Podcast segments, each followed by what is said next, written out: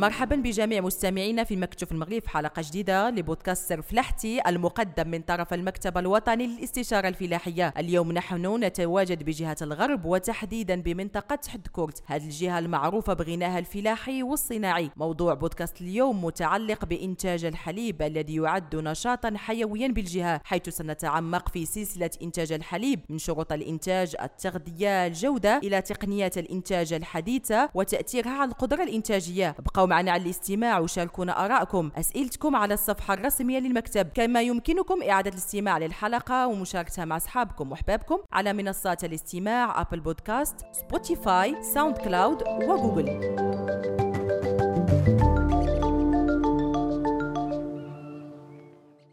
أول سؤال موجه للسيد محمد أمين الثقافي مسير بضيعة لإنتاج الحليب. مرحبا بنا عندكم السي أمين اليوم. مرحبا. واخا تقولنا إحنا اليوم فين المنطقة وشنو كنديروا هنا اليوم؟ إحنا بالضبط. في منطقة بنيوال آه، في دوار بزيقيين آه، في ضيعة آه، اللي كتسمى ضيعة الشمال Domaine du Nord تحت الملكية ديال عائلة الهلاوي. ضيعة مختصة في إنتاج الحليب. أه واش ممكن تقرب مستمعينا من المراحل ديال إنتاج الحليب؟ اولا قبل ما تنبدأو في إنتاج الحليب خصنا نختاروا سلالات اللي موجهة لإنتاج الحليب. السلالات المعروفة في المغرب هي ال Holstein ولا Montbéliarde هما بجوج عندنا هنا في الضيعه آه، هاد السلالات لا كنا غادي نجيبوهم من الخارج أو من الداخل اختيار الأبقار خصو يكون déjà يعني خص تكون لابد أن البقره تكون البقره تكون déjà يعني ضارة. déjà عندها العجل في الكرش ديالها باش نتاكدوا من أنها قادرة على التوالد حيت الإنتاج ديال الحليب هو مبني على التوالد ديال الأبقار. آه، من بعد كان من بعد ما كتولد كيولدوا الأبقار كنشوفوا كنديروا واحد l'objectif واحد الهدف ديال الإنتاج.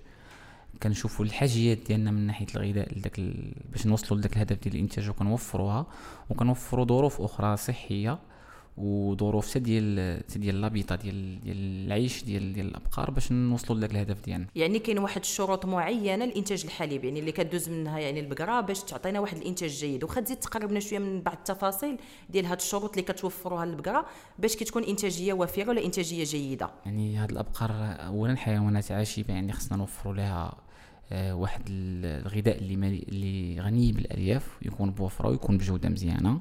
وكنعاونوها بأعلاف مركبة وب- وبأعلاف أخرى يعني اللي هي لحبوب أخرى أو آه، أو منتوجات أخرى. وكنعاونوها ثاني بال- بال- بالفيتامينات والأملاح المعدنية باش كنسدوا جميع الحاجيات ديالها لإنتاج الحليب.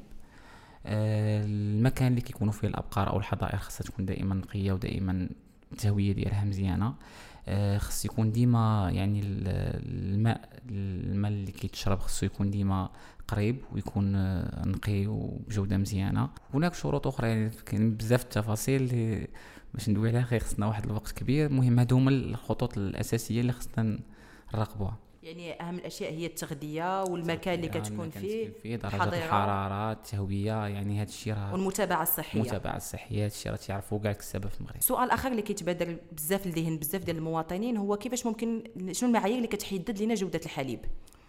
آه، هناك مجموعة من المعايير يعني هناك آه، واحد آه، يعني des tests واحد les analyses chimiques اللي تيداروا لولي. آه، لا من عند يعني المصانع اللي كتنتج الحليب وحنا هاد ال هاد ال هاد les analyses تنديرهم حنا عندنا هنايا في الضيعة ديالنا. وكنراقبوا دائما جودة الحليب بصفة أسبوعية. آه، لا من ناحية ال- الكميات ال- الدهون ولا كميات البروتينات ولا كمية الماء اللي موجودة في الحليب. وكنحاولوا أن الحليب اللي ديما كيتحلب عندنا أنه يكونوا الأبقار ما خادوش آه، يعني أدوية ولا شي حاجة اللي يمكن ليها تسرب للحليب. آه، هاد الشيء علاش كنراقبوا ديما الجودة ديال الحليب. وخلاص المصانع تاني راه ديما تيراقبوا تيراقبوا الجودة قبل ما كياخذوا من عندك الحليب. يعني لما كانش الحليب عنده واحد ال... des standards يعني واحد المعايير معينة راه ما تي- ما تياخذوش من عندك. أه، واش يعني بحكم العمل ديالك الميداني واش هناك كتبان لك واحد كان واحد التغيير سواء إيجابي أو سلبي في جودة الحليب في المغرب في عشر سنوات الأخيرة؟ يا بطبيعة الحال لأن آه، لا في الضيعات الكبيرة لا في لا في لا في التعاونيات لا عند الفلاحة الصغار. آه، الإجراءات ديال انتاج الحليب ولا ديال ولا ديال مراقبة جودة الحليب هي زادت آه، ولات صارمة أكثر. ولات المعلومات يعني متوفرة عند جميع الفلاحة لا في الإنترنت لا من عند الناس ديال مكاتب الاستشارة الفلاحية. كل هاد الجهود اللي تضافرت راه ساهمت في أنه الجودة ديال الحليب ولا حتى الكمية ديال الحليب تكون تكون أحسن من السنوات اللي فاتت. أه ولا جينا نهضروا على تقنيات الإنتاج. بطبيعة الحال دابا كتختلف يعني من واحد عشر سنوات اللي كنا في واحد المعايير ولا واحد التقنيات تقليديه والآن عصرية. كيفاش كان هذا التحول؟ هو في هاد العشر سنوات الأخرى كان التحول شوية سريع. دابا ولينا كان ولينا كننافسوا الدول المتقدمة في الإنتاج يعني ولاو عندنا الجميع نفس التجهيزات. حتى من ناحية السلالات من ناحية السلالات الجينية اللي كاينة دابا في المغرب هي تقريبا نفسها اللي كاينة اللي كاينة في, في الخارج. كيبقى واحد شوية ديال يعني التوعية ديال الناس اللي تيخدموا في هذا الشيء اللي, اللي مازال تنخدموا عليها إن شاء الله. باش نوصلوا لو نيفو ديال الناس اللي مشهورين بالإنتاج بالدول اللي مشهورة بالإنتاج ديال الحليب في العالم كامل. وشنو التقنيات الجديدة اللي كتخدموا بها حاليا؟ يعني كنهضروا على العصرنه ديال الآليات. وفاش ساعدتكم هذه العصرنه ديال الآليات في في, في الزيادة من القدرة الإنتاجية؟ يعني العصرنه ديال الآليات في أي مجال كتساعد بعدا في توفير المجهود وفي ربح الوقت. وحتى في الدقة ديال ديال ديال العمليات اللي كان اللي كنقوموا بها ولا ديال ولا ديال أي أي opération تنديروها هنايا ça devient plus précis يعني ولينا ولات ولات الدقة ولات المعلومة كتوصل دغيا ولينا تنعرفوا يعني عندنا واحد نظرة شمولية على شنو كيطرا في الضيعة. لا من من من التطبيقات اللي كاينة عندنا في ال PC اللي هي كاملة اللي عندنا في الحاسوب اللي هي كاملة مرتبطة بالآلات اللي كنخدموا بها حنايا في في الطيعة. مثلا غير بالنسبة للتوزيع ديال ديال الاعلاف عندنا عندنا الآلة اللي مكلفة بالتوزيع ديال الاعلاف راها مرتبطة بالحاسوب. الآلة اللي كت اللي كتقوم بالحلب مرتبطه بالحاسوب عندنا كلشي وكلشي ولا مرتبط بالمعلوميات ولا عندنا النظره شمولية. خلانا نكون عندنا نظرة شمولية وكيكون عندنا حتى التدخل ديالنا كيكون بصفة سريعة وبصفة دقيقة. يعني ممكن نقولوا حنا دابا الآن داخل ضيعة رقمية يعني كتعتمد بزاف على الديجيتال باش كتحسن من الإنتاجية ديالها. بطبيعة الحال. وكيفاش يعني تم تقريب هذا الشيء للناس اللي كيشتغلوا معكم يعني من موظفين من عاملين كيفاش تم تبسيط هذه المعلومة؟ واش كانت بطريقة سهلة؟ كان التقبل ديال هذا التغيير بطريقة يعني سلسة؟ بطبيعة الحال راه كتمشي عند الناس الأولين اللي اللي كيفهموا شوية واللي قارين شوية هما اللي كتبدأ معاهم في الأول و والمعلومة ما حدها كدوز من من بلاصة لبلاصة كتولي أبسط وكيفهمها حتى لذاك الشخص الأخر في في زعما في ليارشي تيفهمها يعني خلاصة أن الرقمنة ضرورية في التسريع من من القدرة الإنتاجية. ضرورية ضروري كاين كاين لفه ديالها يعني كاين التأثير ديالها على الوقت وعلى الجهد. على الوقت وعلى الجهد وتاع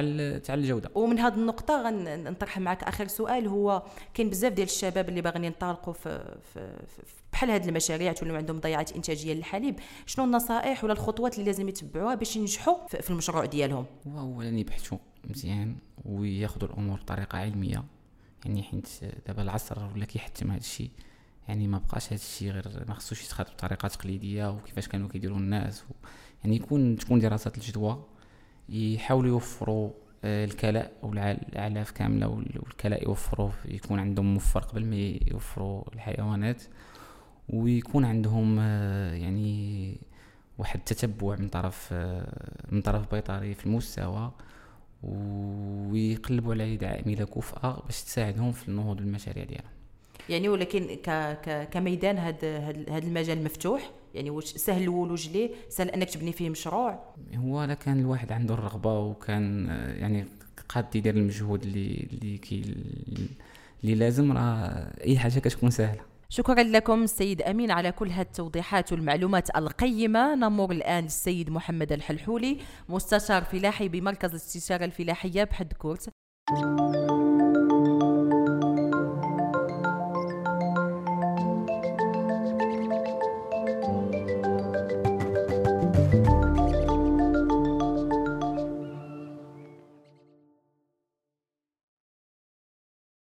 آه، مرحبا سيد محمد. مرحبا شكرا على هذه البادرة القيمة و... أول سؤال غنبدأ به معك السي محمد ما هو دور المكتب الوطني للاستشارة الفلاحية خلال عملية إنتاج الحليب؟ أولا أتقدم بالشكر الجزيل للمكتب الوطني للاستشارة الفلاحية على هذه البادرة الطيبة قصد التواصل مع إخواننا الكسابة داخل ربوع المملكة وخاصة هذا الموضوع القيم الذي يعتبر ذا أهمية قصوى في هذا الوقت الراهن حيث آه، تعتبر سلسلة إنتاج الحليب من بين السلاسل ذات الأهمية في منطقة الغرب نظرا لتواجد الظروف الملائمة لهذه السلسلة والتي تنحصر آه، في تأقلم مجموعة من السلالات ذات الإنتاجية العالية من الحليب في منطقة الغرب. كما توفر هذه المنطقة مجموعة متنوعة من الكلاء الأخضر واليابس نظرا لتواجد مدار سقوي مهم بالمنطقة وأهمية زراعة الحبوب والقطاني في المدار البوري. فيما يخص سؤالكم الأول والمتعلق بدور المكتب الوطني للاستشارة الفلاحية خلال عملية إنتاج الحليب كما تعرفون تم إحداث المكتب الوطني للاستشارة الفلاحية سنة 2012 من أجل مواكبة سلاسل الإنتاج من حيث تأطير وتقديم الاستشارة الفلاحية للفلاحين في مختلف السلاسل وخلال جميع مراحل الإنتاج والتتمين وخاصة سلسلة إنتاج الحليب آه، التي هي من بين أكثر السلاسل الفلاحية تنظيما حيث تضم فيدرالية بين مهنية للحليب تجمع تنظيمات مهنية خاصة بالمنتجين الكسابة وأخرى خاصة بالمصنعين. وقد وقعت هذه الفيدرالية آه، عقدة برنامج مع وزارة الفلاحة آه، هي عبارة عن التي ترسم خارطة الطريق للنهوض بالإنتاج وتسويق الحليب بالمغرب من خلال تنزيل التوجهات التقنية والتنظيمية لضمان استمرارية الإنتاج وتحسين الجودة. وفي هذا الصدد ينخرط المكتب الوطني للاستشارة الفلاحية في مجال التأطير والمواكبة تماشيا مع التوجهات, التوجهات المرسومة وذلك من خلال تنظيم الكسابة في إطار التعاونيات والاتحادات وإرساء مجموعة من القنوات الاستشارية والتواصلية على المستوى الجهوي والمحلي من بين هذه القنوات. ونجد المدارس الحقلية الدورات التكوينية الزيارات الميدانية الأيام التحسيسية والوصلات الإذاعية والتلفزية أه، شكرا جزيلا سي محمد الحلحولي. والسؤال الثاني ما هو الدور الذي يلعبه المستشار الفلاحي لضمان حليب بجودة عالية؟ فيما يخص هذا السؤال كما تمت الإشارة إليه سابقا ومن خلال المخططات الجهوية للاستشارة الفلاحية نعمل على مستوى مركز استشارة الفلاحية أحد كورج بوضع برنامج لكل سلسلة حسب أهميتها في المنطقة وحيث أن سلسلة الحليب تكتسي طابعا أساسيا في أنظمة الإنتاج منطقة نفوذ المركز فنحن كمستشارين فلاحيين آه، كل حسب مجال تدخله نعمل على مواكبة شبه يومية لمنتجي الحليب من خلال آه، مجموعة من التدخلات على شكل زيارات ميدانية لفائدة كل ضيعة حسب خصوصيتها تنظيم أيام تكوينية وتحسيسية لمجموعة من الكسابة المنظمين في إطار تعاونيات حيث آه، يقوم المستشار ببرمجة مجموعة من المواضيع التي تهم تسيير القطيع على المستوى التقني والاقتصادي ومن بين هذه المواضيع نخص بالذكر التغذية فيما التغذية على سبيل المثال حاجية البقرة خلال مراحل الإنتاج إنتاج الحليب أو إنتاج مولود حاجية الصغار العجول والعجلات خلال مجموعة من المراحل حسب السن والنوع. حاجية الذكور الموجهة للتسمين وإنتاج اللحوم الحمراء الحاجيات الغذائية للعجلات الموجهة للتوالد ما بين سن 12 شهر إلى آه، آه، إلى سن آه، الولادة الأولى. مواضيع تخص الصحة الحيوانية وخاصة تقديم التأطير التقني فيما يخص مجموعة من الأمراض وطرق الوقاية منها.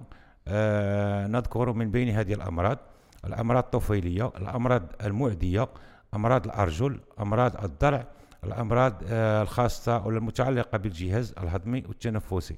كذلك هناك مواضيع تهم التوالد عند الأبقار وذلك بتقديم مجموعة من نصائح الكسابة لتكون عملية التوالد دورية ومتوازية ومواضيع حول الزراعات الكلائية بحيث يقوم المستشار الفلاحي بتقديم مجموعة من الإرشادات التقنية فيما يتعلق باختيار الأصناف المناسبة ذات آه، القيمة الغذائية العالية ووضع قائمة سنوية للمزروعات الكلائية حتى يتسنى الكساب أن يحصل على كلاء يتم إنتاجه داخل ضيعته بصفة دائمة ومستمرة.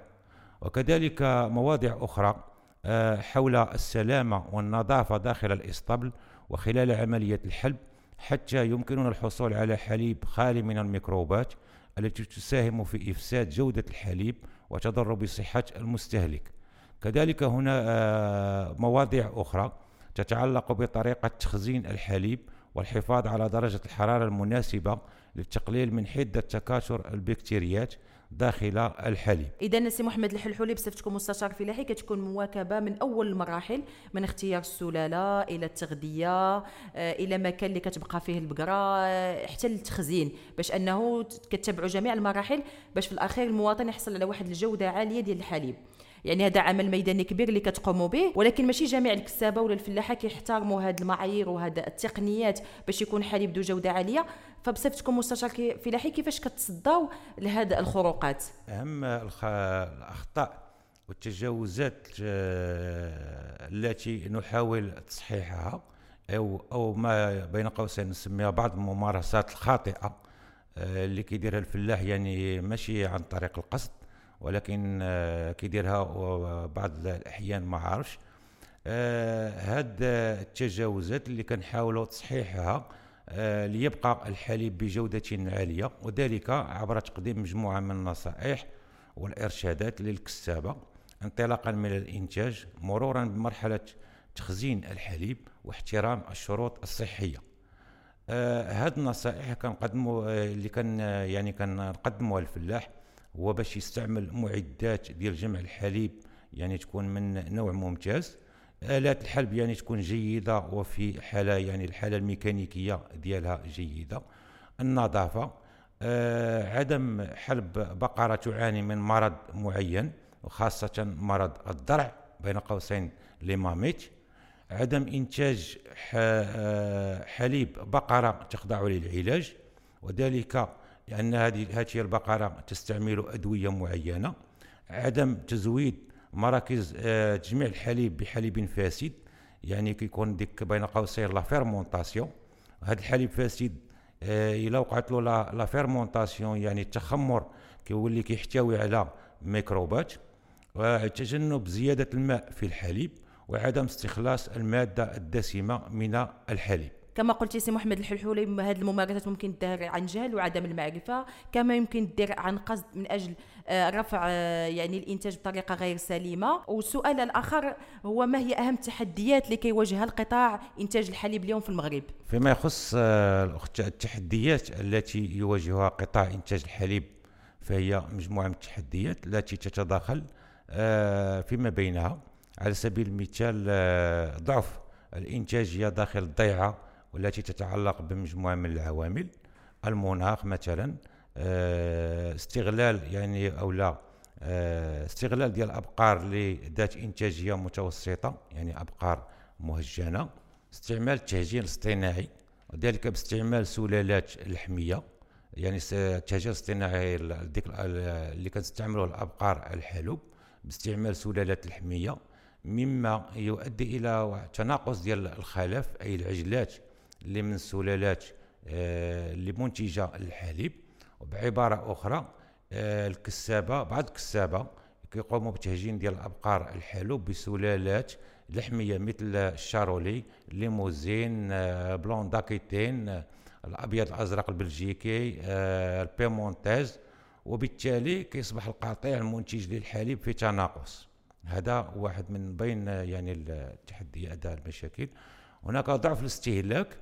بحيث لا يرقى الاستهلاك لمادة الحليب ومشتقاته إلى المستوى الذي تراهن عليه الدولة بحيث لا يتعدى 65 كمعدل لتر للفرد خلال السنة على عكس ما نجده في بعض الدول المجاورة خاصة الدول الأوروبية مثل فرنسا التي يصل معدل استهلاك الفرد لمادة الحليب ومشتقاته إلى 290 لتر للفرد في السنة. رغم المجهودات التي يبذلها المكتب الوطني للاستشارة الفلاحية من أجل خلق تعاونيات فلاحية مختصة في إنتاج الحليب لا زلنا نطمح إلى المزيد من التنظيمات الفلاحية لتطوير عملية التسويق والتتمين من بين الحلول آه لتجاوز هذه التحديات آه يجب خلق آه وحدات للتجميع وخاصة خلق اتحاد التعاونيات يعني المخت... بين قوسين المختصة بإنتاج الحليب. آه، بحيث يقوم الاتحاد بانتقاء العجلات ذات أصل جيد من حيث الإنتاج وتربيتها ثم تزويد الكسابة بها عند الطلب وتكون هذه العجلات من إنتاج الكسابة المنخرطين داخل الاتحاد. هناك نقطة أخرى يعني أو آه، آه، من بين الحلول وضع استراتيجيات جهوية تراعي جميع العوامل المتداخلة في السلسلة انطلاقا من الإنتاج مرورا بالتسويق ثم الاستهلاك. تشجيع المواطنين على الاستهلاك وذلك عبر تنظيم مواصلات تحسيسية لإقناع المستهلك بالقيمة الغذائية والصحية للحليب ومشتقاته كالأجبان والألبان والمواد الدهنية وفوائدها الصحية للمستهلك. تنظيم لقاءات ومعارض جهوية قصد التعريف بالمنتوج والتقرب من المستهلك عبر تزويده بمنشورات تتعلق بالفوائد الغذائية لمادة الحليب ومشتقاته. إذا لتجاوز هذه التحديات الأمر مرتبط بالكسابة من ناحية يعني التنظيم من خلال تعاونيات والعمل بشراكة مع آه، المستشارين الفلاحيين وأيضا بالمستهلك من خلال الاستهلاك أكثر للمواد ومشتقات الحليب. آخر سؤال آه، سي محمد الحلحولي ما هي إرشاداتكم للفلاحة والكسابة اللي كيسمعوا لنا اليوم لهذا البودكاست؟ شكرا الأخت نورا. من بين آه، يعني الإرشادات التي أود تقديم آه، تقديمها لإخواني الكسابة والفلاحة من خلال هذا المنبر. الانخراط في تعاونيات فلاحية. اقتناء أبقار حلوب ذات إنتاجية عالية. استعمال الوسائل الحديثة للإنتاج مثل آلات الحلب وإدخال التكنولوجيا في وسائل الإنتاج. آه، بحيث أصبحنا الحمد لله نجد في السوق آلات فلاحية متنوعة في متناول جميع فئات الكسابة. كنصيحة أخرى هو استعمال آه، بالنسبة التي أود تقديمها لإخواني الكسابة هي استعمال التقنيات اللي كتعلق بتسيير قطيع الأبقار الحلوب آه التغذية المتوازنة الصحة تنظيم التوالد آه الزراعات الكلائية التي تتأقلم مع المنطقة. آه أخذ بعين الاعتبار كل عوامل الإنتاج وتقنينها واحترام الجدول الزمني لإنجازها الاعتماد على إنتاج الخلف للحد من تكلفة إنتاج أبقار حلوب مستوردة وذلك عبر استعمال تلقيح اصطناعي من أصل حليبي والحفاظ على العجلات التي تنتجها أبقار جيدة. احترام شروط السلامة الصحية وذلك باستعمال النظافة خلال مراحل الإنتاج لضمان منتوج ذو جولة ذو جودة عالية. شكرا للسيد محمد الحلحولي مستشار فلاحي بمركز الاستشارة الفلاحية بحد كورت على كل هذه الأجوبة القيمة وأيضا على تلبية الدعوة. كيف ما سمعتم عملية إنتاج الحليب تمر بمراحل متعددة باش يكون عندنا حليب بجودة جيدة. هناك مجموعة من الجهات المسؤولة عن تنظيم ومراقبة عملية الإنتاج من أجل ضمان الأمن الغذائي بالمغرب. وبهذا نكون قد وصلنا إلى نهاية بودكاست سر فلاحتي من مدينة حدكورت. ما تنساوش ترك آرائكم تقييمكم وتقاسم تجاربكم على الصفحة الرسمية للمكتب الوطني للاستشارة الفلاحية وكذا الموقع الرسمي. نشكركم على حسن الاستماع وإلى بودكاست قادم من برنامج سر فلاحتي.